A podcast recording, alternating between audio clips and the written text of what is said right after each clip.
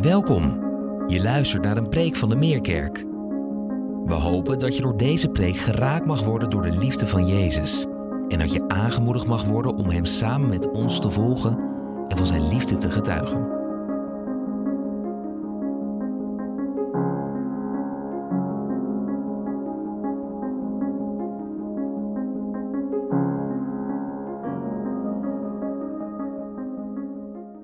Vanmorgen gaan we aan de slag met de brief aan de Filippenzen. En we gaan lezen uit Filippenzen 1, vers 1 tot en met 11. En heb je een Bijbel bij je, neem even de tijd om het op te zoeken. Filippenzen 1, vers 1 tot en met 11. En voordat ik dat lees, eh, mag ik een vraag stellen. En dat is de vraag dat je jezelf tijdens het lezen mag afvragen van wat raakt mij in dit Bijbelgedeelte. Van Paulus en Timotheus, dienaren van Christus Jezus, aan alle heiligen in Filippi, die één zijn met Christus Jezus, en aan de leiders en dienaren van de gemeente. Genade zij u en vrede van God, onze Vader, en van de Heer Jezus Christus. Ik dank mijn God altijd wanneer ik aan u denk, telkens wanneer ik voor u allen bid. Dat doe ik vol vreugde, omdat u vanaf de eerste dag tot nu toe hebt bijgedragen aan de verspreiding van het evangelie. Ik ben ervan overtuigd dat Hij die dit goede werk bij u begonnen is, het ook zal voorzetten tot het voltooid is op de dag van Christus Jezus. Het spreekt vanzelf dat ik zo over u denk, want u allen ligt me dicht aan het hart. U hebt immers alle deel aan de genade die mij geschonken is, nu ik gevangen zit en de waarheid van het evangelie verdedig. God kan getuigen dat ik naar u allen verlang, met de genegenheid van Jezus Christus. Ik bid dat uw liefde steeds meer aan inzicht en fijnzinnigheid wint, zodat u kunt onderscheiden waar het op aankomt. Dan zult u op de dag van Christus zuiver en onberispelijk zijn, vol van de vruchten van de gerechtigheid die u dankt aan Jezus Christus, tot lof en eer van God. Het is goed om hier te zijn. Dat zult u vaker horen als iemand hier staat.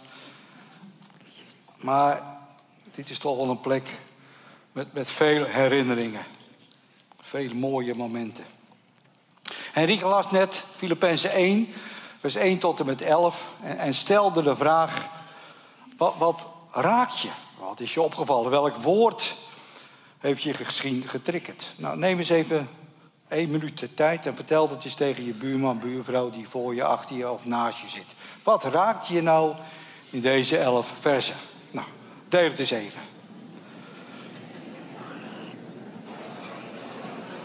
Heb ik alweer geluid? Ja. Het is niks dat je een vraag stelt, maar ja. Hoe worden we dan weer stil? Hè? Henrike las de eerste elf versen uit de Filippenzenbrief. Stel, Henrike had hier gestaan en had gezegd... we gaan met elkaar de Filippenzenbrief lezen. Dan was je misschien een beetje onrustig geworden. Dan denk je, gaan we heel de brief lezen? En toch, misschien ook wel een beetje op vervolg van vorige week... waar Remy het over sprak, van schermtijd naar de Bijbel... Ik, ik, heb mezelf voorgenomen al jaren geleden dat iedere zomer ga, lees ik de brieven van Paulus. Iedere week lees ik één brief, één of twee keer. Gewoon als brief in zijn totaliteit. En ik zou je eigenlijk uitdagen, probeer dat ook eens. Als je een brief in zijn totaliteit leest, dan zul je zien dat zo'n brief weer anders gaat spreken, dat je andere dingen ontdekt, als dat we zo net elf versen met elkaar hebben gelezen. Nou, dat was even een uh, soort sterrenspotje voor het Bijbellezen. Vanmorgen gaan we nadenken over, dus kort over wat punten uit de eerste elf vers uit de Filippenzenbrief. Even wat achtergrond. Ik heb er een plaatje van gemaakt. Filippenzen, Filippi lag daar ergens bovenin. Je zou kunnen zeggen, het was een kruising tussen de handelswegen van mensen die op weg waren vanuit Italië en vanuit Azië en zo naar elkaar toe. In handelingen lees je dat een vrouw uit Thyatira, dat ligt daar een beetje onder Mysië, daar is het Pergamum en daar Thyatira zie je staan. Een vrouw uit Thyatira, Lydia, een purperverkoopster, was eh, vertrokken van Thyatira naar Filippi om, om purperen stoffen te verkopen. Dat kun je lezen in Handelingen 13. Voor, voor mij had ik daar ook nog een plaatje van. Paulus heeft de gemeente in Filippi gesticht op zijn tweede zendingsreis. Toen ik ooit in mijn opleiding uh, vertelde iemand mij, Andries, je zou misschien eens een keertje, als je de brieven van als je handelingen gaat lezen, leg daar dan eens een atlas naast. En teken op de atlas nou eens wat Paulus allemaal heeft gedaan, wat je leest in handelingen. Nou, als je nou de brieven van Paulus hebt gelezen en denkt, wat zal ik dan gaan lezen? Nou, pak het boek Handelingen, pak een, uh, een atlas en, en teken zo eens aan wat Paulus allemaal gedaan heeft. Nou, je zult diep onder de indruk raken van die reizen die Paulus heeft gedaan. Wat hij allemaal heeft meegemaakt. Mooie dingen, maar ook intens verdrietige dingen. Handelingen. Verhaal van Paulus. Vanmorgen Filippenzen. Ik weet niet wat uw, jouw beeld is bij een eerste gemeentes die zijn gesticht, zeg maar, een kleine 2000 jaar geleden. Het waren huisgemeentes. Kleine groepen mensen die bij elkaar kwamen. Lees je ook over Filippi. Lydia, purperverkoopster, kwam tot geloof en zij en haar huis werden gedoopt. Iets verderop lees je over een gevangenbewaarder. Hij kwam tot geloof, werd gedoopt samen met de mensen die bij hem in zijn huis woonden. En zo ontstond de eerste gemeente in Filippi. Een kleine, een kleine groep mensen. Een kleine groep mensen die, die samen vierden dat ze kinderen van God mochten zijn. Die samen vierden dat, hoe, klein het ook was, dat ze samen gemeente mochten zijn. Die, die samen vierden dat ze een hand en een voet voor elkaar mochten zetten. Dat ze iets voor elkaar mochten betekenen. Ik moest eraan denken, voordat we vanmorgen begonnen, we waren hier naast bij elkaar met iedereen die een aandeel heeft hier in de dienst. En iemand deelde iets over wat er in zijn privéomgeving op het ogenblik gebeurde. En er werd voor hem gebeden. Ik dacht, wat mooi. Weet je, dat is in het klein samen gemeente zijn. En zo kwamen die eerste gemeenten, zoals in Filippenzen, kwamen bij elkaar. Om, om, samen, om samen dankbaar te zijn, maar ook om samen te bidden als er zorgen waren, als er, als er verdriet was. Een plek waar ze iets voor elkaar wilden betekenen. Maar waar ze ook van waarde waren. In handelingen lees je op een gegeven moment dat Paulus samen met Silas in de gevangenis terechtkomt. En, dan, dan komen ze uit de gevangenis en dan gaan ze naar Lydia. En, en daar is de gemeente bij elkaar. Ik heb er dan zo'n beeld bij, die zijn daar bij elkaar om samen te bidden voor Paulus en Silas. En dan ontmoeten ze samen Paulus en Silas weer. En dan zijn ze dankbaar dat ze weer vrij zijn uit de gemeente. Weet je, dat is zo, zo begonnen de eerste gemeentes. Als kleine groep mensen, maar die samen vierden dat ze gemeente van Jezus Christus mochten zijn. Ook in het klein.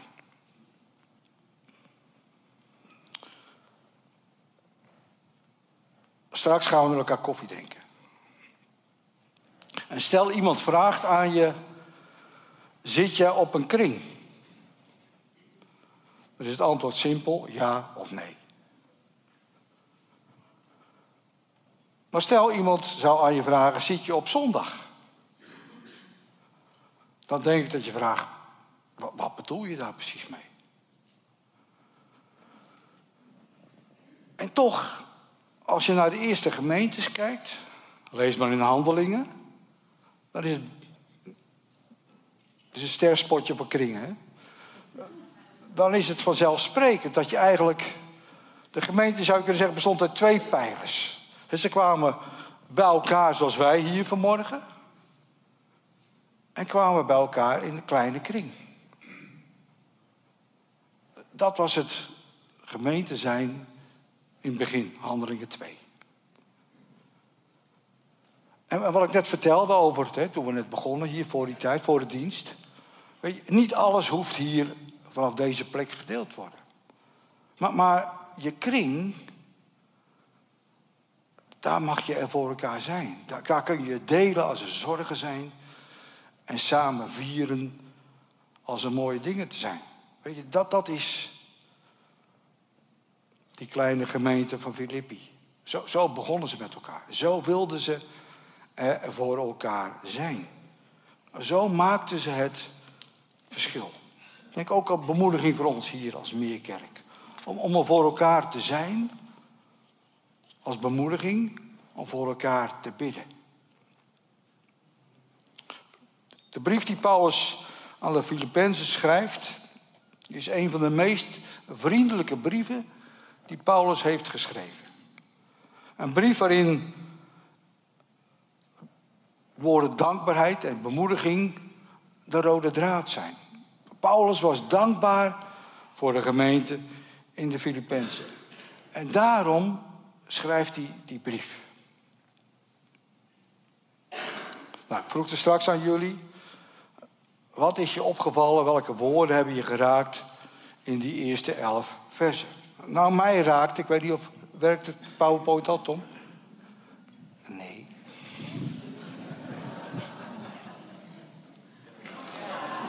Ja. Even kijken, hebben we nog een eentje terug? Afgelopen. Ja, ja, ja, ja, ja, ja. Toen ik die eerste elf versen las, raakten deze woorden mij. Dankbaarheid, gebed, voorbeden, vreugde en liefde. Deze woorden raakten mij toen ik die elf versen van Filippenzen las. Kostbare woorden. En daar wil ik een beetje op inzoomen. Eerste, volgende slide, Tom. Ik dank mijn God altijd wanneer ik aan u denk. Telkens wanneer ik voor u allen bid. En dat doe ik vol vreugde.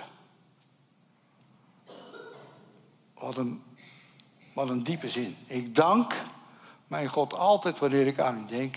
En telkens wanneer ik voor u allen bid. Danken en bidden. Ik denk dat is best een uitdaging. Enrique verwoordde net in haar gebed mensen waar we voor konden binnen. En in de nieuwsbrief wordt er iedere week namen genoemd van, van mensen in de gemeente die even extra aandacht nodig hebben. Er wordt gevraagd, zou je daarvoor willen bidden? En als je misschien eerlijk bent, dan denk je, ja, hoe vaak weet ik dat op maandag nog? Of op dinsdag? Weet je nog, op donderdag, de mensen waar op zondag voor is gebeden? Dat, dat is best een uitdaging. Om zo, ook zo betrokken te zijn, ook zo samen te vieren, dat je gemeente mag zijn. Misschien herken je dat wel. Je, je spreekt iemand die zegt, joh, ik zal voor je bidden. En een paar dagen later zeg je, volgens mij ben ik dat vergeten. Weet je, ik, ik heb en, en het lukt bijna altijd. Ik kan niet altijd, laat ik daar eerlijk in zijn. Maar ik heb me aangewend, geleerd, als ik voor iemand zeg, zal ik voor je bidden om het maar gelijk te doen. Zo, laten we dat maar nu doen. Of als je iemand aan de telefoon hebt. Ik weet nog jaren geleden, toen ik nog een heel werkzaam was. Een ouder uit de gemeente belde mij en zei: Andries, ik moet naar het ziekenhuis. En vertelde zijn verhaal. En ik zei: Joh, zullen we samen bidden? En ik begon te bidden. En ik zei: Ah, maar Oh joh, ik wist niet dat je dat nu zou doen. Weet je, het is goed om, als je dat tegen iemand zegt, en de gelegenheid is er om het gewoon uit te voeren. Ik hoef je niet een paar dagen later te denken: Oh ja, ik ben het vergeten. samen, samen bidden. Bidden in dankbaarheid schreef Paulus. Ik denk, dat is mooi. om dankbaar te zijn voor de gemeente. Om dankbaar te zijn dat je hier op zondagmorgen in alle vrijheid bij elkaar mag komen. Weet je, dat is een groot goed. Zaterdag straks, iemand vroeg aan mij, Anders, wat doe je tegenwoordig? En ik vertelde iets dat ik iedere week op woensdag bij House of Joy zit. Een plek waar, nou, waar ook de Meerkerk bij betrokken is. Waar migranten bij elkaar komen, waar tegenwoordig mensen uit de AZC komen. Waar ook experts komen, jong en oud. En als je dan, wij zaten er samen over te praten.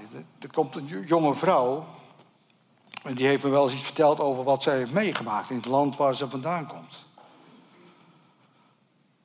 Dan, dan word je heel stil. En dan realiseer je, wauw. Wij kunnen hier gewoon zomaar op woensdagmiddag met elkaar, moslim, christenen, mensen die geen religieuze achtergrond hebben, met elkaar in gesprek. We kunnen de Bijbel open doen, we kunnen met elkaar praten. Rond het eten lezen we uit de Bijbel, bidden we met elkaar mag zomaar in vrijheid. Dan realiseer je wel, wat zijn wij bevoorrechte mensen, dat we zo in vrijheid naar de kerk kunnen gaan. Om samen te vieren dat we gemeente van Jezus Christus zijn. Om, om samen te vieren. Ik was gisteren, nee, afgelopen week kreeg ik een appje van iemand die zei: mijn moeder is in het hospice opgenomen. Ze noemde jouw naam. Zal je, zou je even bij haar langs willen gaan? Dus ik was daar gistermiddag even, of vrijdagmiddag. Die vrouw heb ik jaren geleden leren kennen. Je zou kunnen zeggen, had een totaal verkeerd beeld van God gekregen door allerlei omstandigheden. En ik ben met haar eens gaan praten van hoe God naar haar kijkt. En ze zat in een stoel toen ik bij haar kwam en achter haar stond een bord. En er stond op, je bent een parel in Gods hand. En ik pakte het bord en ik liet het haar zien. Toen zei de dochter, ja, je kunt het misschien beter voorlezen, want ze kan niet meer lezen. Ik noemde haar naam, ik zeg, kijk, dit staat erop. Je bent een parel in Gods hand. Weet je, zo, toen je vanmorgen hier binnenkwam, zei God, je bent een parel in, mijn hand. Weet je, dat mogen, we, dat mogen we met elkaar vieren. En ik hoop dat je, daar, dat je daar dankbaar voor bent. En zo mag je ook voor elkaar bidden. Voor de mensen op je kring, voor de leiding van de gemeente. Weet je, dat zal hier niet zo vaak gebeuren, maar ik kom wel eens in gemeentes, dan hoor ik wel eens, joh, er is hier wat gemor. En ik heb wel eens tegen hem gezegd, heb je voor diegene gebeden? En die persoon keek me een beetje vreemd aan. Ik zei, joh, want als je voor iemand bidt, dan zul je merken dat je anders naar die persoon gaat kijken. Maar dat je ook samen dichter bij God gaat komen. Weet je, het gebed, laat dat, laten we daar zuiver in blijven. Het is, het is geen haal en olie, hè, van twee, twee schepjes en het probleem is opgelost. Maar als je voor elkaar bidt, brengt het je dichter bij elkaar, maar brengt het je samen dichter bij God. En dat is denk ik wat Paulus hier in de Filipijnse brief schrijft. Bid voor elkaar, als gemeente op je huiskring. Dietrich Bonhoeffer schreef, kun je even dat plaatje van hebben? Ja, ja, ja, ja, ja. In een van zijn preken schrijft hij: Een christelijke gemeenschap leeft bij de gratie van de voorbeden. Een gemeente is een gebedsgemeenschap. Of ze gaat te gronden. Er staat nogal wat. Hè? Dankzij de gebedsgemeenschap van mensen die elke dag voor de kerk en voor elkaar bidden, ontstaat gemeenschap met Christus, met collega's en met gemeenteleden. Dat schrijft Dietrich Bonhoeffer in een van zijn preken als het gaat over gebed. Nood leert binnen. Maar het is zonde, zegt Bonhoeffer, om daarop te wachten. Weet je, het is mooi om te weten dat je gemeente bent om samen te vieren, maar ook om voor elkaar te bidden. Een ander woord wat mij opviel was het woord vreugde. Het woord komt tien keer voor in deze brief. Paulus is dankbaar voor de gemeente. Telkens word ik, wanneer ik voor u allen bid, doe ik dat vol vreugde. Vreugde en blijdschap is voor Paulus een wezenlijk onderdeel van het christelijk geloof. Dwars door alle emoties van het leven heen is het goed om te weten, om, om vast te houden dat Jezus Christus ons leven leidt. Vreugde en blijdschap, je zou kunnen zeggen, is de beleving van vrede met God en met elkaar. Weet je, Filippi is niet de volmaakte gemeente. Dat, zul je wel ontdekken als je de brief van de Filippenzen gaat lezen. Ook daar gebeurde van alles. Er was van alles aan de hand. En waarom bidt Paulus dan toch in vreugde voor de gemeente?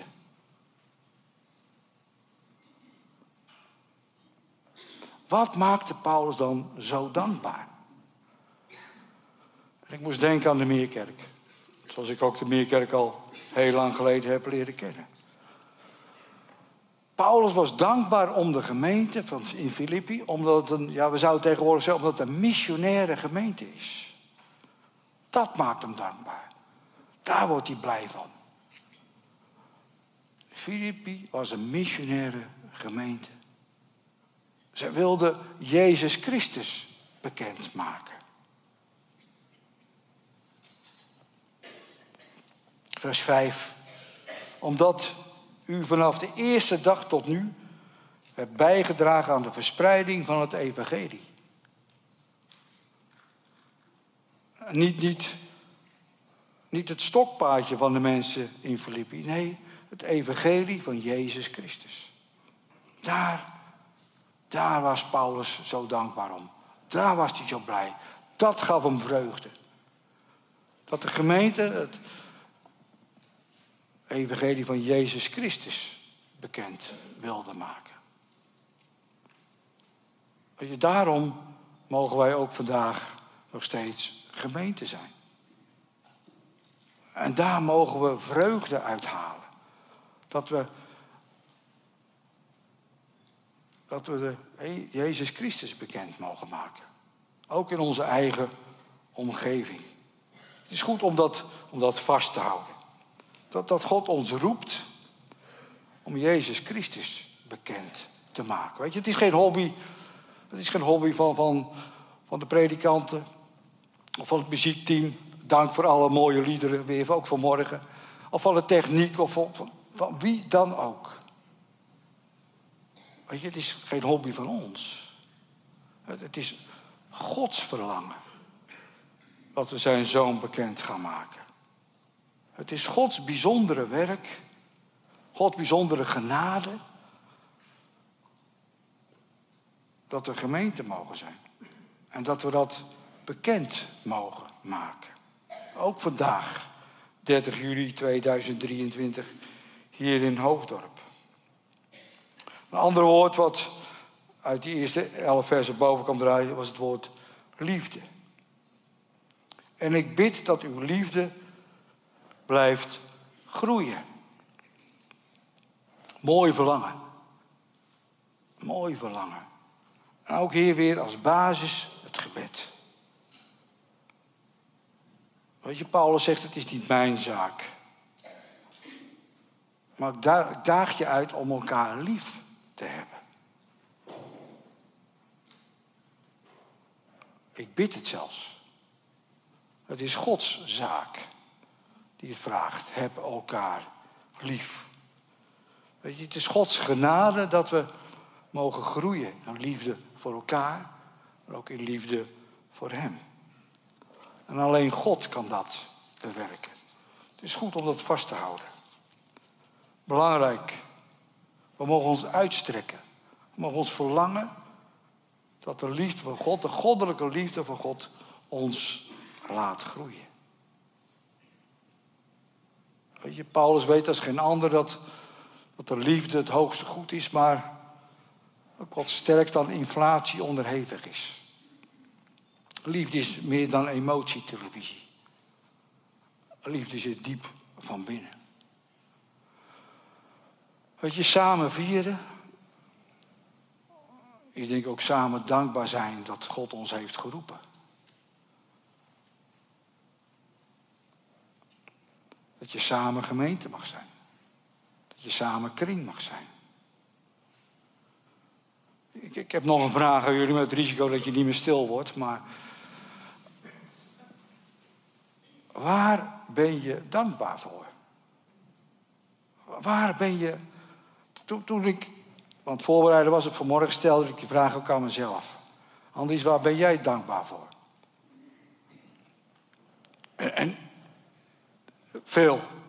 Maar, maar ik wil twee dingen met jullie delen. Ik ben dankbaar dat ik bijna 50 jaar met Leni getrouwd mag zijn. En de andere waar ik dankbaar voor ben, is de Meerkerk. Dat, dat ik hier sta, is allereerst Gods genade. Maar, heeft te maken met Leni, die mij, mij van een raar ventje weer een klein beetje normaal iemand heeft gemaakt. En voor de Meerkerk. Wat ik hier heb mee mogen maken, hier heb mogen leren, is voor mij, en de gesprekken die ik met diverse heb gehad, was voor mij een soort. Ja, ik kon eigenlijk niet anders. Waarom ik uiteindelijk theologie ben gaan studeren. Dus, dus, dus daar ben ik intens dankbaar voor. Voor, voor mijn echtgenoten en voor, voor wie de Meerkerk voor mij, voor ons heeft betekend. Maar nou de vraag, waar ben jij dankbaar voor? En ga geen preek van vijf minuten houden. Maar gewoon noem eens een woord wat spontaan bij je opkomt en vertel dat eens tegen je buurvrouw of buurman. Dan kan ik een slokje water nemen.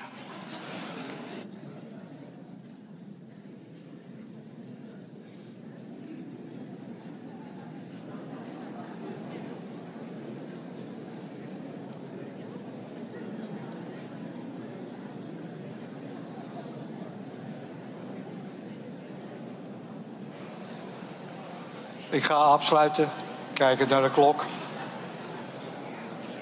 Ik wil nog één vers noemen uit de Filipijnse brief. Dat is de laatste slide, als het goed is. Paulus schrijft: Ik ben ervan overtuigd dat hij, met hoofdletters geschreven, die dit goede werk bij u begonnen is, het ook zal voortzetten tot het voltooid is op de dag van Christus Jezus. Dat is ook zo'n vers om, om even stil van te worden. Omdat het woord dankbaarheid nog eens even bij je binnen te laten komen. Ik ben ervan overtuigd, schrijft Paulus, dat hij die dit goede werk bij u begonnen is, het ook zal voltooien op de dag van Christus Jezus. Het goede werk. Paulus doelt hier op het geloof wat God in uw en jouw hart heeft neergelegd. Mooi om dat goede werk te noemen. Weet je, laten we met dit vers bemoedigd verder gaan. Dat God u, jou en mij zo waardevol vindt dat hij dit goede werk in ons hart heeft gelegd en dat je dat mag delen met anderen. Zullen we gewoon even stil zijn?